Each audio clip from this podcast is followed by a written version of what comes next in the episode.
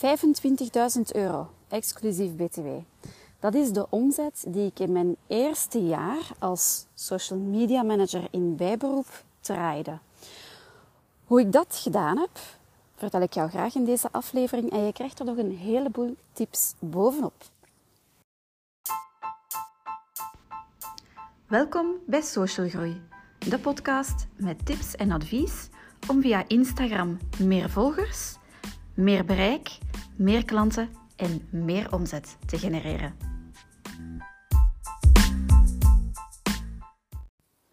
Een hele goede middag. Als ik dit opneem, schijnt de zon weer. Ik zou zeggen volop. Nee, het is wisselvallig. Maar dan ben ik altijd zo blij als een ei dat ik even naar buiten kan. Vandaag, als ik deze opname maak, is het zondag. En uh, het is zondagnamiddag, uh, meer, om meer precies te zijn. Ik heb vandaag al heel wat uh, taakjes thuis afgewerkt. Maar nu dacht ik, oké, nu is het tijd om de benen te strekken. En eh, even een wandeling te maken. En ondertussen had ik al heel wat inspiratie voor een aantal podcastafleveringen. Dus voilà. In de intro hoorde je het mij al zeggen.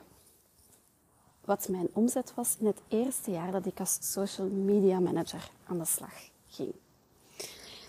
En dat was zonder BTW. Ik heb nu gezegd 25.000 euro, maar het is net geen 25.000 euro.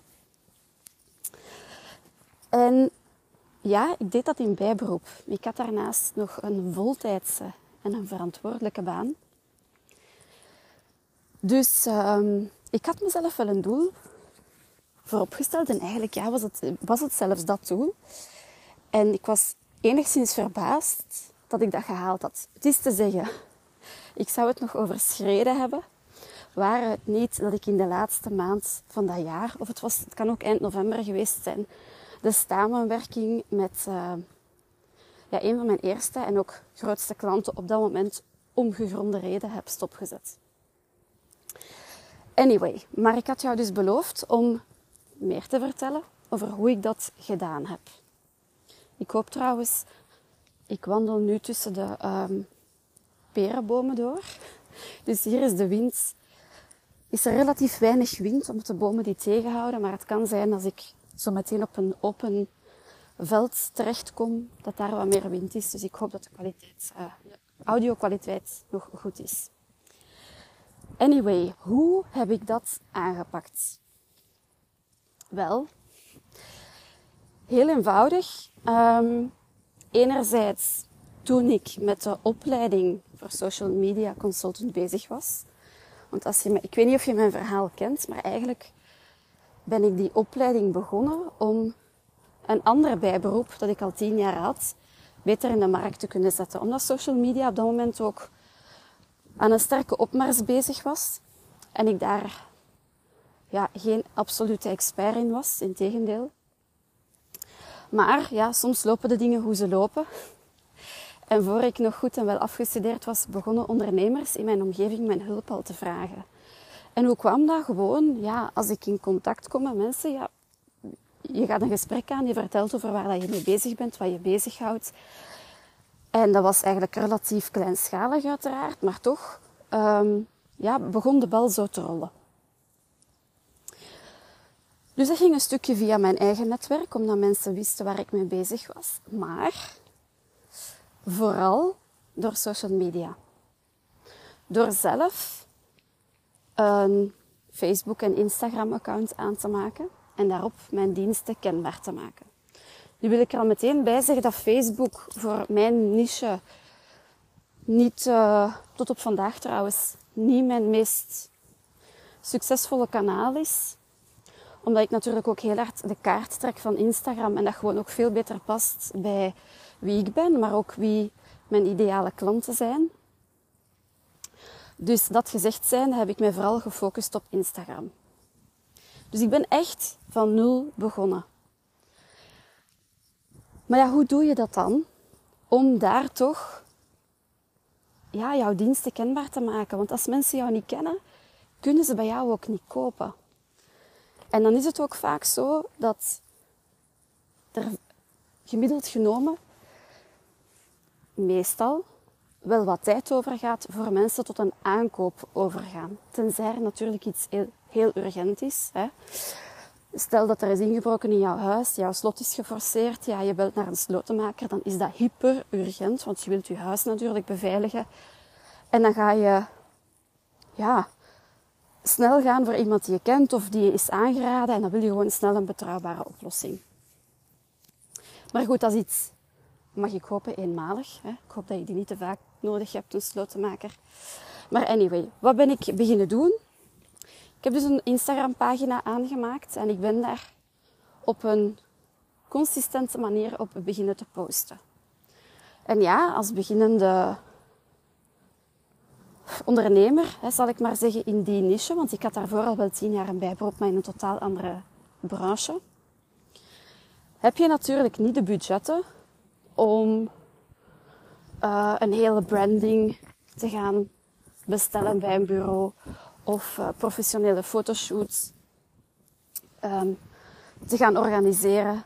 Want dat vergt natuurlijk wel een zekere investering die ik op dat moment niet kon of niet wou maken. Maar low budget heb ik dat toch gedaan. Ik liet mezelf ook letterlijk zien aan mijn volgers. En oké, dat budget was er op dat moment niet om aan een professionele fotograaf uit te geven. Maar dan heb ik een vriendin gevraagd of zij foto's zou maken. En in ruil, omdat zij wel als hobby uh, fotografie deed, heb ik haar gegevens dan uiteraard ook vermeld bij de foto's. Dan had zij op die manier ook uh, een beetje reclame. Op die manier lukte het wel.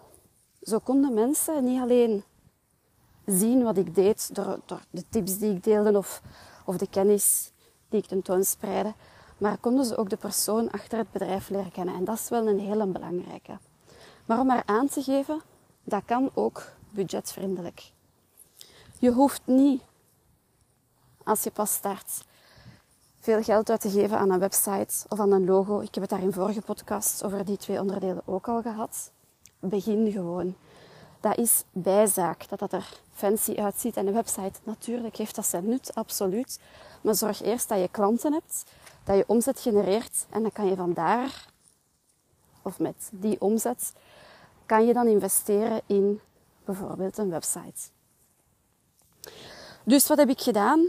Ik was constant allee, constant consequent aanwezig. Dat moet niet elke dag zijn, maar daar zit toch een bepaalde vaste routine in. Ik liet mezelf ook zien. En um, ook wel een hele belangrijke, om even uh, de expectations, of de verwachtingen te kaderen. De eerste 100 volgers behalen op Instagram was het allermoeilijkste. En dat merk ik ook bij klanten die bij mij in traject zitten die ik begeleid met uh, Instagram, die van nul een pagina maken. Die eerste honderd is de grootste uitdaging. Maar eens dat je daar voorbij bent, zie ik vaak dat de groei veel sneller gaat en veel makkelijker. Maar die mijlpaal, die eerste honderd, is echt wel een mijlpaal. Maar weet dus dat het bij mij ook best wel wat tijd gevergd heeft. Het precieze duur weet ik niet meer, maar uh, het duurde naar mijn goesting veel te lang. Anyway. Dus dat is één. Ik ben echt ik heb echt de kaart van Instagram getrokken en daar volop op ingezet. Maar niet alleen in posts, dus in de berichten die je zelf zet, uh, ja, in jouw grid. Dus dat is een roostertje van, ja, ik zeg altijd drie op drie berichten, het zijn er meer. Maar je kan er dus drie naast elkaar zetten. Maar ook in stories. Dat ik regelmatig dingen liet zien, zoals nu als ik een wandeling aan het maken ben. Dan zou ik al eens een foto trekken van een wandeling en dan deelde ik dat. Zo krijgen mensen ook het gevoel dat ze jou echt kennen, of ze krijgen de kans liever om jou echt te leren kennen en te zien, is dit iemand waar het mee klikt, waar ik mee resoneer. Want dat is wel een hele belangrijke, zeker als je net zoals ik dienstverlenend werkt. Mogelijk verkoop jij producten en geen dienst. Ehm, dan kan dat soms iets minder belangrijk zijn. Maar zeker als je een dienst uh, ja, verleent, is dat wel een hele belangrijke dat die klikker is langs de twee kanten uit. Langs de andere kant heb ik er ook altijd voor gezorgd, en dat doe ik vandaag nog altijd. Ik vind het heel belangrijk dat je over-delivert. En daarmee bedoel ik dat je meer geeft als wat je klant verwacht. Ik ga er nu niet te veel verklappen, omdat ik weet dat er ook uh, klanten van mij luisteren die binnenkort het, uh, traject Groeien op Instagram gaan opstarten. En ik wil hun dan ook niet... Uh, het mag ook een verrassing blijven wat ik voorzie bij een opstart. Maar het is niet alleen bij opstart. Hè, hoe ga je je onboarding zo goed mogelijk organiseren? Um, maar wat doe je daartussen ook? De feedback die ik bijvoorbeeld kreeg, is dat mensen het heel fijn vinden. Dat ik af en toe tussendoor eens een berichtje stuur via Instagram als ik iets zie dat voor hun interessant kan zijn. Omdat ze zo het gevoel hebben dat ze niet aan hun lot worden overgelaten tussen de sessies door. Um, en dat valt natuurlijk ook een stukje onder overdeliveren. Maar dat kan, gaan, dat kan ook gaan over snelheid. Of uitzonderlijk is iets op een avond of in een weekend doen. Omdat jij gewoon merkt dat je klant daar nood aan heeft. Um, ik moet even nadenken. Ik denk in de maand... Was het nu juni of juli? Ik weet het niet meer precies. Was een van mijn klanten um, op zoek naar twee personeelsleden. En voor één vacature hadden we uh, al een bericht gemaakt, dus een post opgemaakt, om die ook te delen op haar socials. Maar ik vroeg haar ook van, ja, wat is het meest dringend? En ze zei, ja, oké, profiel X is het belangrijkste, want... Hè, en dan had je nog profiel Y. Maar we waren eigenlijk, het was in de maand juli, nu weet ik het terug, want we waren de content aan het bespreken voor de maand augustus. En ik zei er ook van, ja, maar kijk, eigenlijk als dat dringend is, dan moeten we nu in de maand juli dit al online gaan zetten. Want mensen moeten natuurlijk één de vacature zien. Ze moeten solliciteren. Je hebt dan nog de sollicitatiegesprekken. Als ze ergens aan de slag zijn, moeten zij nog hun opzichtperiode uitdoen. Dus het is belangrijk dat we dat nu doen. De klant zelf had daar niet meteen naar gevraagd. Maar ik heb wel verder gedacht dan, oké, we gaan hier nu berichten maken voor augustus. Wat heeft die klant echt nodig en wanneer? En ik heb dat uit vrije keuze op een zondag helemaal uitgewerkt. Dat is ook over deliveren. Voor mij. Echt meedenken met uw klant. In die zin, dat is een klant waar ik het, het social media beheer voor doe. Dus elke maand berichten uh, ontwerp. Is dat ik mezelf echt als het, ja, het verlengde is misschien een verkeerd woord. Eigenlijk een beetje als een medewerker van dat bedrijf beschouw. En echt wil meedenken. Oké, wat zou ik willen? Moest dit mijn bedrijf zijn? Hoe gaan we dat aanpakken? Niet gewoon uitvoeren, oké, dit is het pakket en dit ga ik doen. Nee, maar echt in die rol instappen. Dat is voor mij over deliveren. Dus dat heb ik ook gedaan van in het begin. Um, en dat zijn voor mij nu ja, de twee belangrijkste tips die ik jou kan geven, behalve wees aanwezig op social media. En ik heb het dan vooral over Instagram over deliveren. En natuurlijk, zeker in het begin, is het hard werken. Ik had een voltijdse verantwoordelijke job.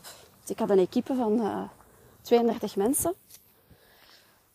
En het was een job die ik op zich ontzettend graag deed. Ik had top collega's, super fijn team. Maar ik wist ook wel, ik ga dit niet blijven doen. Dus dat was echt wel, ik deed mijn uren overdag. En soms ja, kwam daar ook al wel eens avondwerk bij in die job.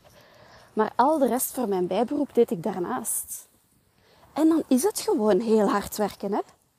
En natuurlijk, na dat jaar voelde ik ook van, dit tempo kan ik wel niet blijven volhouden. Want dat is goed als je weet, je zit in die opstartfase. Maar aan dat tempo, ja, die workload blijven verder zetten zou niet gezond geweest zijn. Maar goed, dat is in het begin, dus ik geef dat er ook even bij. Of ik geef dat liever ook even mee van, kijk, maak je geen illusies. Als je iets wilt opbouwen, is het in het begin zeker wel knokken. Wat niet wil zeggen dat je het wel slim kan aanpakken. In die zin, stel dat jij vandaag een zaak hebt, of dat dan nu is in hoofdberoep of bijberoep, maakt niet uit. En je voelt dat je nog meer wil groeien qua klanten en qua omzet. En je bent vandaag bijvoorbeeld niet aanwezig op Instagram. Ja, dan heb je twee opties. Allee, eigenlijk drie. Ofwel ga je het uitbesteden dus geef je het aan een derde partij of, of een medewerker in jouw bedrijf die daar de nodige kennis van heeft en die dit kan doen bij zijn of haar huidig takenpakket. En ga je ervoor zorgen dat die persoon zorgt dat jouw zaak online aanwezig is. Je kan ook voor een extern bureau gaan natuurlijk, zoals ik voor een aantal bedrijven doe. Je kan aan zelfstudie gaan doen. Gaan zoeken uh, welke boeken er allemaal zijn. Uh, Instagram voor dummies of weet ik veel wat er allemaal bestaat, en het één voor één gaan uitpluizen. Of als je zegt, ik wil het in eigen beheer doen, dus ik wil het niet uitbesteden aan een derde partij, kan je ook gewoon een cursus kopen waarin alles wordt uitgelegd hoe dat je dat moet doen. Die cursus, ik maak er even de link naar, die heb ik, uh, ik moet even nadenken, is het anderhalf jaar geleden? Iets meer dan een jaar geleden in ieder geval, helemaal in elkaar gebokst. Een aantal modules, echt dummy-proof. Mijn mama die, sorry mama, is niet slecht bedoeld, die helemaal niet zo vlot is of computer-minded. Als zij die modules zou volgen, zou ook zij in staat zijn om een Instagram-account aan te maken en die negen posts, hè, want het programma is dat ik jou leer hoe je een professioneel Instagram-account kan aanmaken, inclusief de eerste negen berichten in minder dan twee uur tijd. Even een disclaimer, in minder dan twee uur tijd, als je het stukje voorbereidend werk hebt gedaan. Maar alles is echt stap voor stap dummy-proof uitgelegd. Wat wil zeggen? Dat, er, dat gaat van, oké, hoe installeer je de app? Hè? Als jij die natuurlijk al hebt, kan je dat al overslaan en dan gaat het bij jou natuurlijk sneller. Op die manier is het natuurlijk veel efficiënter, want dan heb je maar een blok van twee uur of misschien tweeënhalf uur nodig om dat te doorlopen en jouw pagina staat er en die eerste negen berichten ook. Dus ja, wat is dan het slimste? Van alles gaan uit te pluizen of te googelen, of boeken te gaan halen in de bib, of jouw vrienden, vriendinnen, kinderen, weet ik veel, ermee tussen haakjes lastig te vallen en te vragen dat zij het jou uitleggen. Maar dan weet ik uit ervaring, zeker als ik dat zie bij mijn broer, die soms iets uitlegt aan mijn mama of mijn grootmoeder, dan vertelt hij dat zo snel. Ze noteren dat natuurlijk niet en ze kunnen dat niet onthouden en de volgende keer hebben ze terug zijn hulp nodig. En dat is natuurlijk het voordeel van de cursus, omdat het opgebouwd is in modules. Je kan op pauze drukken, je kan terugspoelen, je kan ze daarna nog eens zien, want de modules blijven zes maanden geldig. En het leuke is helemaal dat dit op dit moment van de opname in ieder geval voor minder dan 100 euro exclusief BTW kan. De tarief op dit moment is namelijk 99 euro exclusief BTW. Dus daar kan je het ook niet verlaten. Als je daar nu interesse in hebt, zou ik zeggen, neem een kijkje op de website. Daar staat alles nog eens in het lang en in het breed uitgelegd. En daar kan je ook meteen de cursus downloaden en je hebt meteen toegang tot alle modules. Die toegang blijft trouwens zes maanden geldig. Uh, maar uiteraard ga ik ervan uit als je ergens een halve dag hebt, dat je er dan door bent. Maar dan weet je, als je de weken daarna de modules nog eens wilt bekijken, dat dat zeker kan. Dus voilà, dat wou ik vandaag met jou graag delen.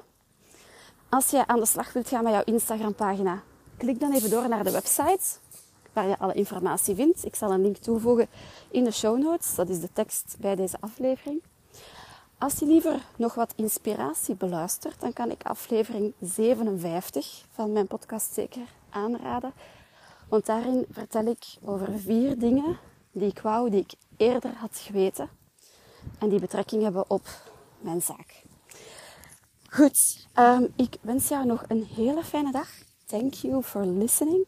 En heel graag tot de volgende aflevering.